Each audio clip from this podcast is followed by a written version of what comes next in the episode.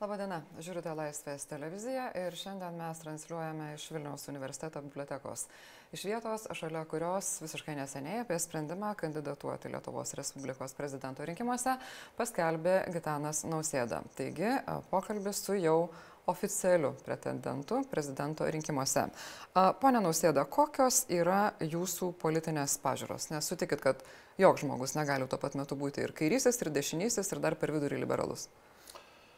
Manau, kad esu dešinės centro atstovas ar centro dešinės, sunku pasakyti turbūt, bet bet kuriu atveju manau, kad tikrai esu daug labiau kairėje, negu galbūt įsivaizduoja tie žmonės, kurie kartais prirašo tave vienai ar kitai ideologiniai krypčiai vien dėl to, kad tu dirbai, pavyzdžiui, finansų institucijoje. Tai tikrai nėra taip, kad visi dirbantis finansinėse arba dirbę finansinėse institucijose būtinai yra dešiniai arba kraštutiniai liberalai. Tiesiog aš manau, kad net ir laiko požiūrių pažiūros keičiasi ir aš čia visai kalbu ne apie tai e, tam tikrus gyvenimo tarpsnius, bet paprasčiausiai net ir verslo ciklo požiūrių mes Lietuvai žmonėms nuolat kalbėdavome apie tai, kad reikia susiviršti diržus, globalinė krizė, pasiekmes, atsistosim ant kojų tada, bet štai atsistojome ant kojų jau turbūt kokie penkeri šešeri metai mažiausiai jeigu ne daugiau. O vis dar kalbame terminologija kuri labai primena tos globalinės krizės metus. Tai aš manau kad atėjo metas truputį kitaip sudėlioti akcentus ir socialinės atskirties klausimas tampa svarbus mes nes mes matome kad automatiškai socialinė atskirtis tikrai nemažėja ir pats ekonomikos kilimas socialinės atskirties klausimų nesprendžia reiškia reikalinga E, perskirstomoji valstybės funkcija, kuri leistų užtikrinti, kad štai šitie svarbiausi skirties koficijantai, na bent jau pradžioje neblogėtų, o ateityje galbūt pradėtų ir gerėti.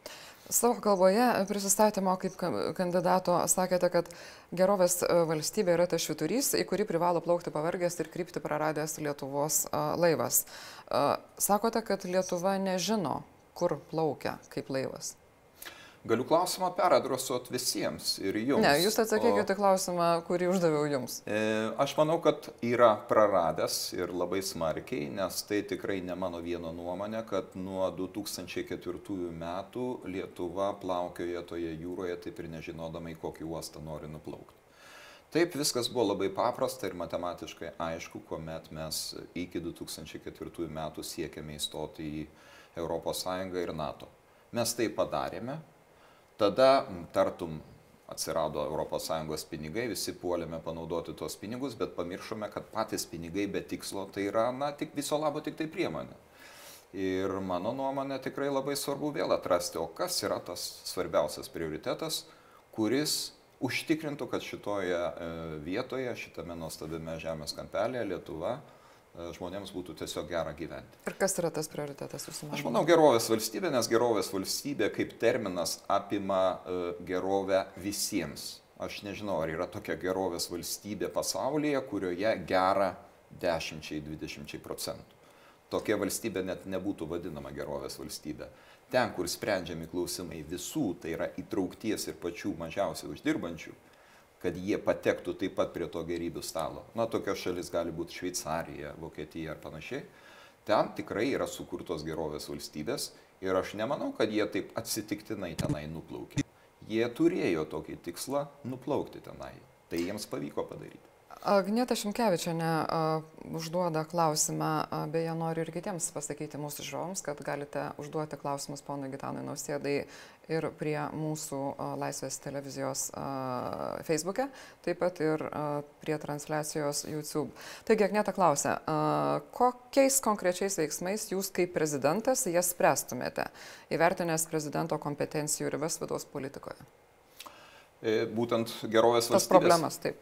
Aš manau, pirmiausia, reikia susisodinti už apvalo stalo partijų atstovus ir įvertinti, ar iš tikrųjų ir jiems šitas prioritetas atrodo svarbus.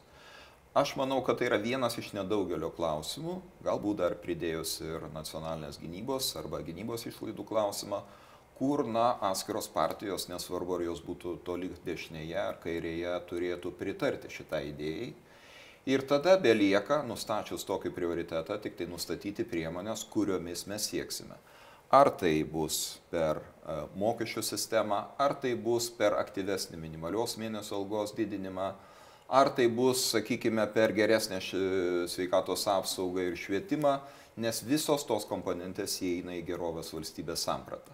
Tai štai e, susodinus, nustačius štai tokį prioritetą, galima atiduoti visą iniciatyvą vyriausybei, vykdomai valdžiai, bet kažkas tai turi padaryti. Ir kas dar kitas gali susodinti konfliktuojančias ir dėl nieko nesusitarančias partijas už bendro stalo. Aš manau, prezidentas, kurio yra viena iš prievalė. Ir tai, sakyčiau, na, tikrai nemanyčiau, kad tai yra teisinga nuostata Lietuvoje, kuomet sakoma, kad prezidentas, na taip, jis ten turi nuvažiuoti į užsienį, išgerti kavos, pabendrauti su užsienio valstybių lyderiais ir tai jo yra iš esmės visos funkcijos. Tikrai taip nėra, nes jeigu tai būtų, aš tada užduočiau klausimą tokiems žmonėms, o tai kodėl mes taip laukiame prezidentų metinių pranešimų ir kodėl ten tuose metiniuose pranešimuose yra ne tik tai užsienio politika, bet ir daugybė kitų visuomenės klausimų. Tai jeigu prezidentas nieko negali, tegu ateina, pakalba tris minutės apie užsienio politiką ir eina namo. Bet taip nėra.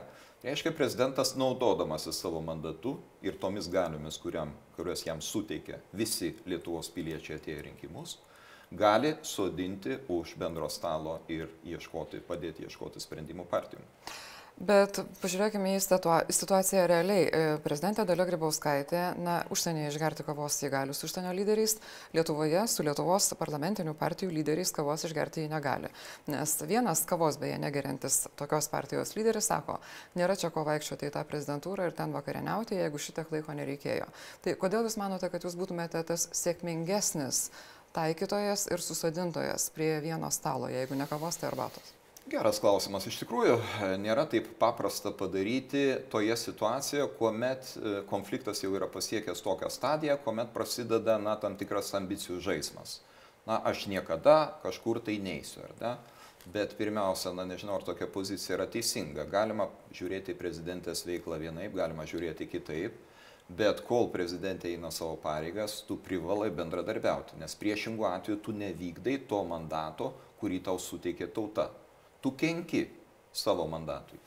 Tai pirmiausia, turbūt, kas turėtų būti padaryta, na, tai tokie politikai arba tokie, toks jų elgesys tinkamoje šviesoje pristatomas visuomeniai ir tada jau tegul pati visuomenė sprendžia, ar toks politiko elgesys yra priimtinas viskas čia taip sakant yra tvarkoje, kuomet visi vaikščiome į skirtingas pusės, ar vis dėlto tai yra pakankamai smerktina. Ir jeigu tai yra smerktina, aš manau, kad toks politikas privalėtų atsižvelgti į tai, nes jis rizikuoja ateinančiais rinkimais.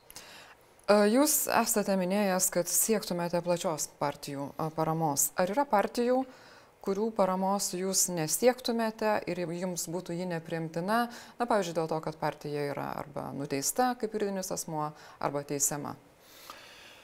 Arba dėl kokio nors kitokio priežasčių. Be abejo, jau pats e, teisimas e, faktas yra pakankamai iškalbingas, aš jau nekalbu apie tą atvejį, jeigu partija kaip juridinis asmo būtų nuteista, tai čia jau net ir kalbėti nebėra apie ką. Tačiau net ir partijos teisimas štai tokiame kontekste, kuriame dabar vyksta, jūs puikiai suprantate ir žiūrovai puikiai supranta, apie kurią partiją kalbu, na tai jau liudėja vis dėlto labai didelius šitos partijos, pirmiausia, moralinius, tada jau politinius nuostolius. Ir tikrai būtų sudėtinga susisieti su šitokia partija, nes toks susisėjimas, na, mestų tam tikrą šešėlį yra to žmogaus, kuris ketina tai padaryti. Taip kad e, manyčiau, kad tikrai pirmiausia mes turėtumėme kalbėti ne apie tai, kad aš siekiu visų partijų paramos, aš siekiu visų gyventojų paramos. Tų, kuriems mano pažiūros arba e, išdėstytos programinės nuostatos patinka.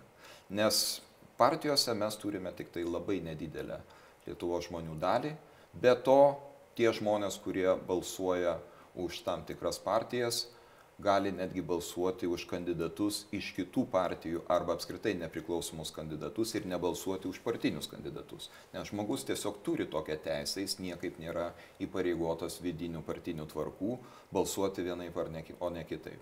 Todėl man pirmiausia reikalinga Lietuvos žmonių parama, o ne partijų parama. Bet Lietuvos žmonės tą paramą paprastai išreiškia atėję balsuoti.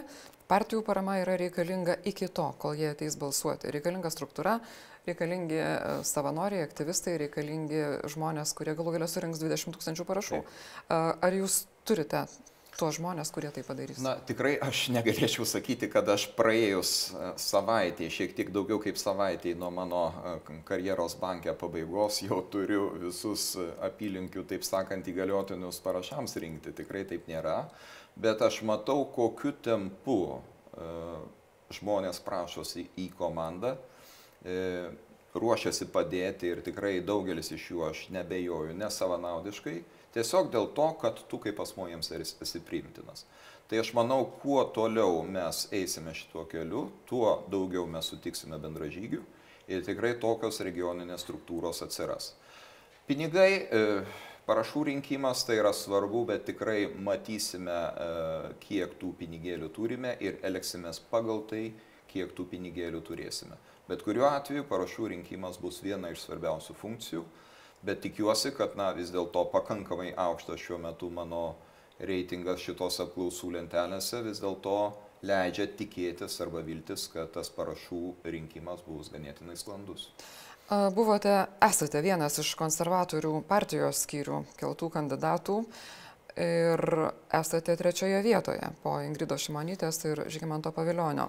Jeigu vidiniuose tos partijos rinkimuose nugalės kitas kandidatas, ar tai paveiks jūsų sprendimą kaip nors dalyvauti rinkimuose? E, pirmiausia, dar nėra atsakyta į klausimą, ar aš dalyvausiu e, pirminiuose šios partijos rinkimuose, nes kiek man žinoma, dar liko keletas dienų, kurios suteikia galimybę išsibraukti tam tikriems kandidatams. Jūs svarstote išsibraukti? E, aš kol kas tiesiog nepriimu sprendimo, nes man dar truputį trūksta informacijos apie tai, e, kokios sąlygos būtų keliamos tam žmogui, kuris, nebūdamas partijos narys, norėtų, norėtų dalyvauti pirminiuose rinkimuose ir, pavyzdžiui, laimėtų partijos paramą. Ar tai būtų, sakykime, važinėjimas po regionus susitinkant su šitos partijos skyriais ar tai būtų prašymas paremti šitos partijos kandidatus merų rinkimuose arba Europarlamento rinkimuose. Jeigu tokie reikalavimai būtų aiškiai artikuliuoti, tai būtų didelė kliūtis man apsispręsti dalyvauti e, pirminiuose rinkimuose šitoje partijoje, nes tai aiškiai prieštarautų mano dabar pagrindiniam tikslui keliauti per Lietuvą, susitikti su visais žmonėmis, nesvarbu kokiai partijai priklausytų ar apskritai jokiai partijai nepriklausytų tikrintis tam tikras programinės nuostatas, kurios yra dar labai pradinėje stadijoje, tiesiog kritiškai tikrintis.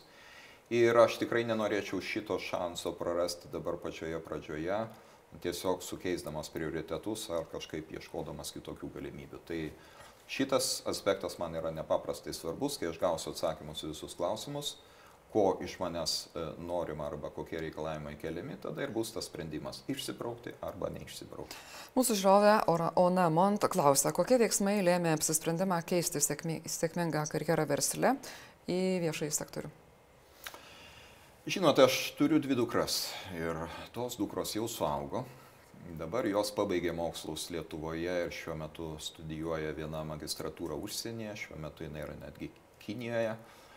Kita dukra dirba programoje tam tikroje, padeda tarptautinių ryšių skyriui viename iš Paryžių universitet, Paryžiaus universitetų. Tiesiog dar neapsisprendė dėl savo tolesnio magistratūros kelio. Ir aš kaip tėtis labai norėčiau, kad jos grįžtų į Lietuvą.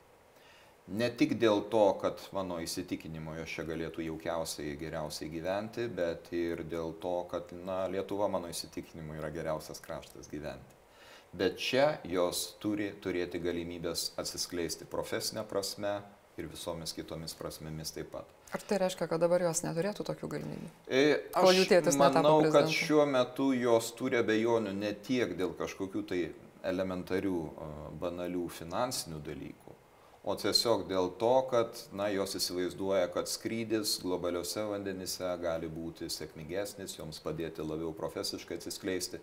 Aš noriu, kad Lietuva būtų tikrai niekuo nenusileidžianti šalis, net ir šita prasme profesinio atsiskleidimo, verslo inovacijų, tiesiog kūrybinio polikio, kūrybinės energijos prasme.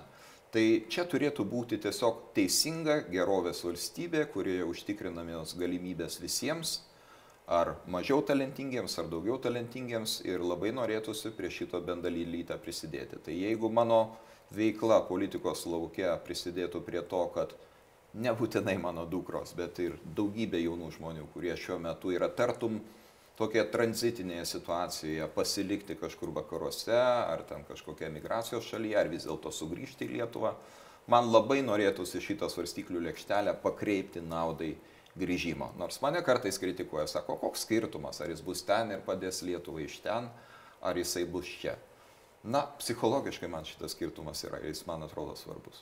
Oskaras Liskovas klausia, Google neranda jūsų programos, kuri yra paskelbta ir kaip galima su ja susipažinti. E, Google kol kas negali rasti mano programos, nes aš net ir e, domeno savo asmeninio kol kas nestartavau, bet turbūt Google nerastų ir kitų kandidatų, galbūt išskyrus. Apie jūs dabar klausė tiesiog. E, mes tiesiog nespėjome šitą padaryti, mes turime tam, tikros, tam tikrus apmatus, jeigu taip galima išsireikšti, bet aš nenorėčiau jų paleisti viešumą, kol mes bent jau šiek tiek su štai šiandieninė komanda ir su žmonėmis nepadiskutavome ir neįsitikinome, kur jo yra tos programos silpnosios arba stipriosios vietos. Sakykime taip, ji šiuo metu yra parengta kokį 60-70 procentų e, lygių, tikiuosi, kad mums nereikės labai daug laiko parengti ją iki 100 procentų ir tada pateikti jau visuomenį. Ar galėtumėte vardinti jūsų manimų pagrindinius tos programos punktus arba na, tos pagrindinius dalykus, ties kuriais jūs su komanda dirbat? Tai politinių sprendimų prieimimo defektai, kuomet mes e, akivaizdžiai nesugebame įgyvendinti net tai, ką partijos yra nusimačiusios rinkimų programuose rinkimų programose mes matome vieną, realiame gyvenime mes matome kitą. Reiškia, aš kaip e, galimas prezidentas tikrai pirmiausia kelčiau klausimą, tai kas vyksta, tai vyksta tam tikras politinis apgaudinėjimas žmonių, nes jie renka vienokias partijas, bet tos partijos pasikeičia eigoje, kuomet jau e, e, yra išrenkamos. Tai yra socialinės atskirties dalykai, tai yra savivaldybių įgalinimas, tai yra smulkiojo verslo komponentė, man tai yra nepaprastai svarbu, nes aš tikrai daugybę atvejų esu matęs konkrečias pavyzdžius, kuomet žmogus nori startuoti ir svajoja apie tai, kaip jis pradės nuo savo verslą. Ir tada po keliarių mėnesių tu matai, kaip jisai nusivylė, nuleido rankas ir visą šitą idėją paliko nuo šaly. Na, dažnai dėl to, kad negauna kreditavimo iš bankų. E, ir dėl to galbūt, bet kita vertus, man atrodo, kad mes įmamės spręsti problemą ne iš tos pusės, kuomet kalbame apie tai, kad mums reikia jaunų žmonių regionuose ir mums reikia skatinti būsto įsigijimą regionuose. Bet e, kas iš to, jeigu tas jaunas žmogus atsidurs regione, kuriame nėra darbo ir pajamų? Tai galbūt skatinkime tuos pačius pinigus, panaudokime tai pačiai smulkio verslo plėtrai, taip kaip daro Lenkija šiuo metu skiria tam tikrą 5000-6000 eurų kapitalą smulkiojo verslo plėtrai, tada žmogus pajudina savo verslą ir tada jam tiesą sakant turbūt jau ir nebe tiek svarbu, ar skatina ten tą būsto įsigijimą valstybė ar ne. Jis turi darbą, jis turi užsiemimą, jis turi pajamas. Ir jis gali galbūt nusipirkti tą būtelį ir be jokios valstybės paramos ir likti gyventi, nes ten jo verslas pasiteisina. Kai kurios politinės jėgos kai kuriuos pažadus prieš rinkiminius rinkiminius įgyvendina arba bent jau siekia įgyvendinti. Pavyzdžiui, Lietuvos valstiečių ir žaliųjų sąjunga labai kryptingai eina prie tikslo, kad reikia sumažinti Seimo narių skaičių, kad reikia sumažinti referendumo kartelę siekiant pakeisti konstitucijos straipsnius. Kaip Jūs vertinate tokius rinkimų pažadų įgyvendinimus? E, taip, iš tikrųjų klausimas netaip lengvai atsakomas. E, politinės kultūros prasme aš vertinu tai kaip sažiningą žaidimą, kadangi na, atėjome su tokiomis idėjomis ir stengiamės jas įgyvendinti. Bet tos idėjos nebūtinai gali būti teisingos. Ir šiuo konkrečiu atveju aš, pavyzdžiui, pasisakyčiau prieš Seimo narių skaičiaus mažinimą, nes tie motyvai, kurie yra pateikimi, man atrodo šiek tiek populistiški ir nukreipti į tai, kad štai na, nebus dar keliasdešimties Seimo narių, mes sutaupysime ir tokiu būdu praturtinsime mūsų visuomenę. Na, ar tikrai visuomenė praturtės dėl to, kad ten 20-30 Seimo narių nebus mokami atlyginimai, tiesiog jų neliks Seime. Bet atstovavimas ir sprendimų prieimimas Seimo plenarinėje salėje, kuomet susirinks 20, 20 žmonių ir nuspręs labai svarbius valstybei klausimus, tiesiog kitiems nedalyvaujant arba dėl to, kad Seimas yra mažas, na, man netrodo labai gera alternatyva. Antras dalykas - jūsų minėta referendumo e, kartelė. Iš tikrųjų, referendumas gali atsakyti į klausimus, labai svarbius visuomeniai klausimus ir šiuo atveju aš pasisakydamas už dvigubos pilietybės įteisinimą vis dėlto suprantu, kokią riziką kelia šitas kartelės nuleidinėjimas, nes yra kitų labai svarbių konstitucijoje klausimų, kurie taip pat gali su šita nuleista kartelė būti priimami. Tai man čia kyla labai rimtos abejonės dėl šitokio sumanimo ir aš manau, kad gal jau padėkime visą savo kūrybinę energiją, kaip daugiau žmonių pakviesti į šitą nepaprastai svarbų referendumą dėl dvigubos pilietybės ir kad sprendimas tenai būtų priimamas teigiamas. Nors be, taip tikrai suprantu, kad tai bus labai sudėtinga padaryti. Andrius Baležintis e, rašo, manote, kad vienos lyties santokų klausimų reikalingas visuomenės sutarimas ir referendumas. Ar tai reiškia, kad referendumai bus visais klausimais, kurie liečia vieną ar kitą visuomenės grupę? Visgi sutikime, kad šitas konkretus klausimas yra labai rezonuojantis visuomenėje ir mes puikiai žinome, kad šiuo metu uh, homoseksualai dėja negali jaustis ramus ir negali jaustis jaukiai šitoje valstybėje, nes nuolat susiduria su įvairių išpolių pavojumi. Aš kaip tik noriu įterpti dar vieną klausimą nuo mūsų žiūrovo. Jis sako, jeigu jūsų dukra pasakytų, kad išvyko į užsienį, nes yra homoseksuali, ar jūs ir tuo atveju darytumėt viską, kad tokie žmonės grįžtų į Lietuvą ir čia turėtų visas teisės? Manau, kad daryčiau viską, kad tokie žmonės turėtų teisės. Dėkui. Bet grįžkime dabar prie to referendumo. Užbėgti už akių ir stumti traukinį, e, taip sakant, vagoną pirmą traukinio būtų gana sudėtinga, nes daugelis žmonių, kurie šiuo metu žiūri skeptiškai, jie gali na, sudaryti labai prastą e, psichologinį mikroklimatą gyventi šitiems žmonėms. Jeigu tik tai iš tradicinės šeimos, kurios šiuo metu įsivaizduoja, kad tai yra vienintelė gyvenimo kartu forma, e, ji bus kažkaip jai užlaužtos rankos ir jinai bus e, priversta priimti štai tokį e, politinį sprendimą gali kilti begalė visokiausių insinuacijų, kurie tikrai nepalengvins, nepalengvins gyvenimo šitiem žmonėm. Todėl man kartais atrodo keista, kad mes jau daugybę metų gyvename štai šitoje erdvėje, kalbame apie tai, bet iš tikrųjų diskusijos jokios normalios ir nevyksta. Bet Nes viskas vyksta tokiu principu. Kažkas sugalvojo, reiškia, e, gėjų paradą, kita pusė atsistojo į priešingą barikadų pusę, pakonfliktuojama, viskas baigėsi ir taip iki kito karto. O ar diskusija apie tai, ką tai reiškia šeimai, ką tai reiškia visuomeniai, e, pagaliau mokslinis pagrindimas šitų klausimų, ar jinai vyksta? Niekas nevyksta. O ką, tai reiškia, o ką tai reiškia tai šeimai, kuri įprastai vadinama tradicinė? Ką, ką reiškia uh, LGBT žmonių teisės ir noras pasiekti, tai kad jie turėtų žmogaus teisų požiūrių man yra viskas aišku, bet man e, įdomus ir požiūris žmonių, štai kurie šiuo metu yra kategoriškai prieš. At man įdomu būtų juos suprasti. Kadangi aš nesu kategoriškai prieš, man įdomus jų argumentai. Ne tų rėksnių, kurie tenai mėto akmenis į šitos žmonės arba kurie plėšo, e, reiškia, šitų homoseksualų vėliavas, bet normalių žmonių, atrodo visiškai tradicinių žmonių gyvenančių šeimose, požiūris štai šitą klausimą. Kas juos labiausiai gazdina? Ar e, vaikų į, įvaikinimas? Ar kažkokie tai reiškia gyvenimo būdo populiarinimo klausimai. Man tiesiog norėtųsi išgirsti juos. Ką sako homoseksualų žmonės ir kad jie kovoja už savo teisės. Man viskas labai aišku ir suprantama ir aš suprantu jų argumentus ir gerbiu jų argumentus. Bet aš noriu išgirsti kitą pusę, kuri šiuo metu kalba kol kas akmenų ir e, visokiomis kitomis kalbomis, bet ne normaliai diskutuoja.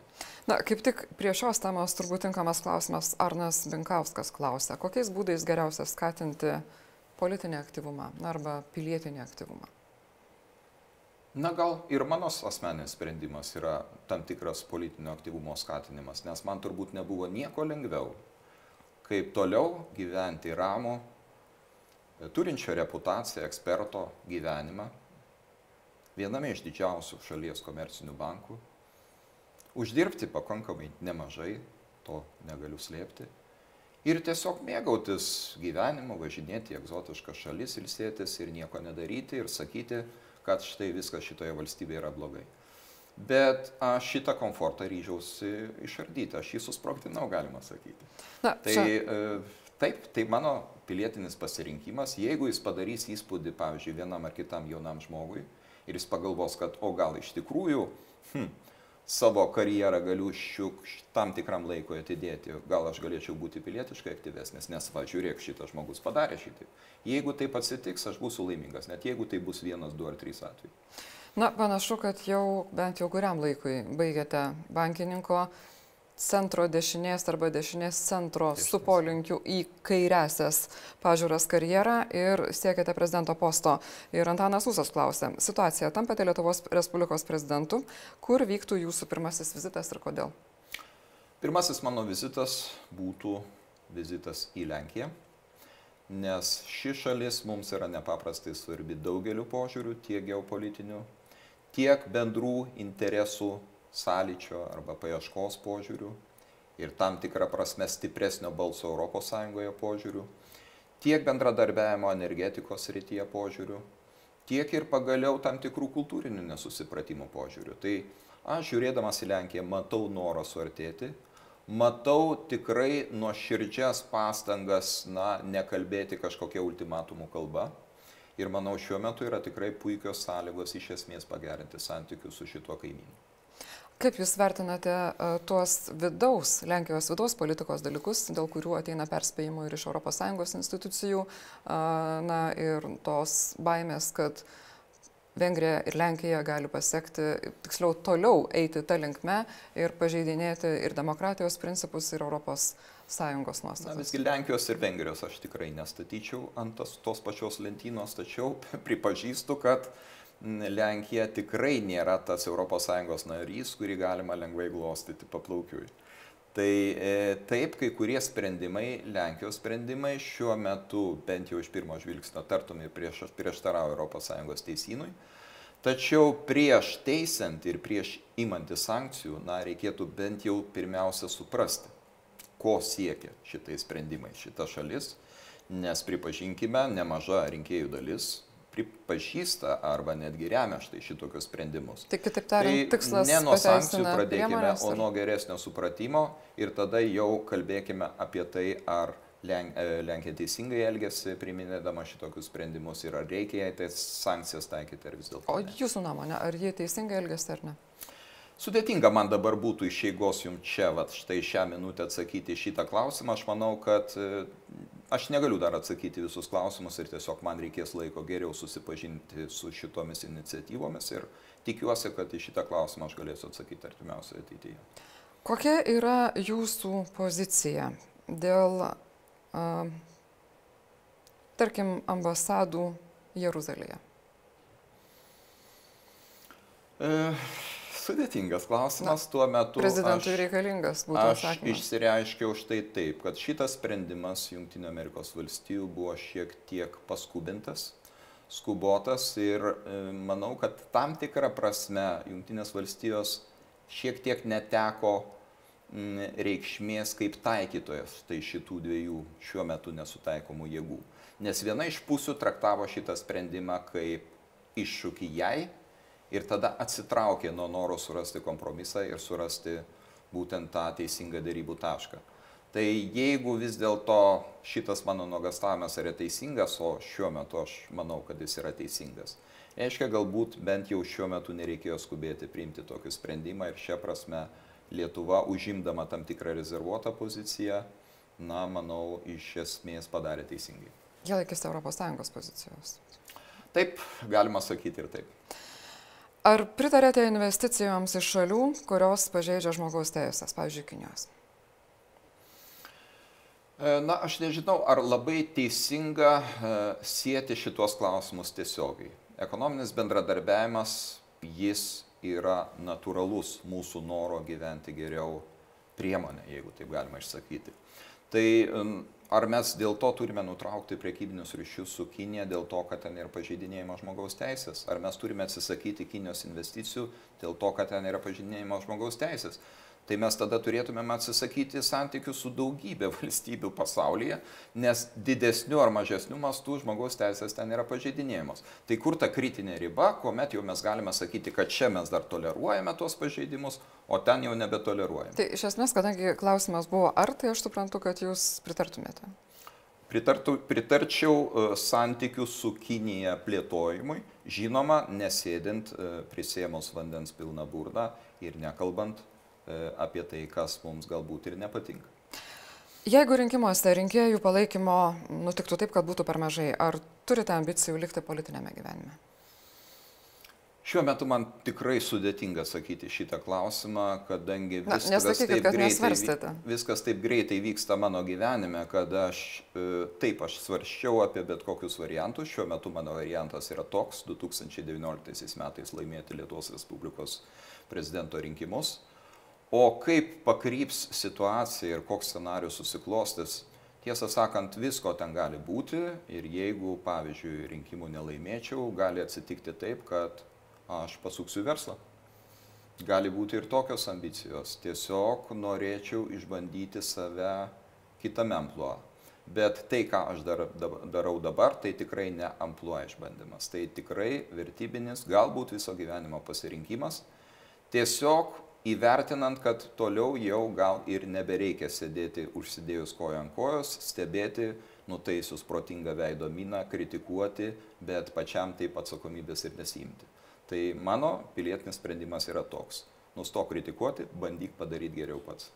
Kągi, dėkoju Gitanui Nausėdai, jau oficialiam pretendentui busimuosiuose Lietuvos Respublikos prezidento rinkimuose. Dėkui tiems, kas žiūrėjo, dėkui tiems, kas klausė, kiek spėjom, tiek atsakėm. Ir aišku, dėkui tiems, kas leidžia tokias transliacijas renkti. Iki. Paroda Supernamai rugsėjo 21-23 dienomis Vilniaus Siemens arenoje. Įėjimas lankytojams nemokamas. Parodos naujiena - knyga šildymas, vėdinimas ir oro kondicionavimas.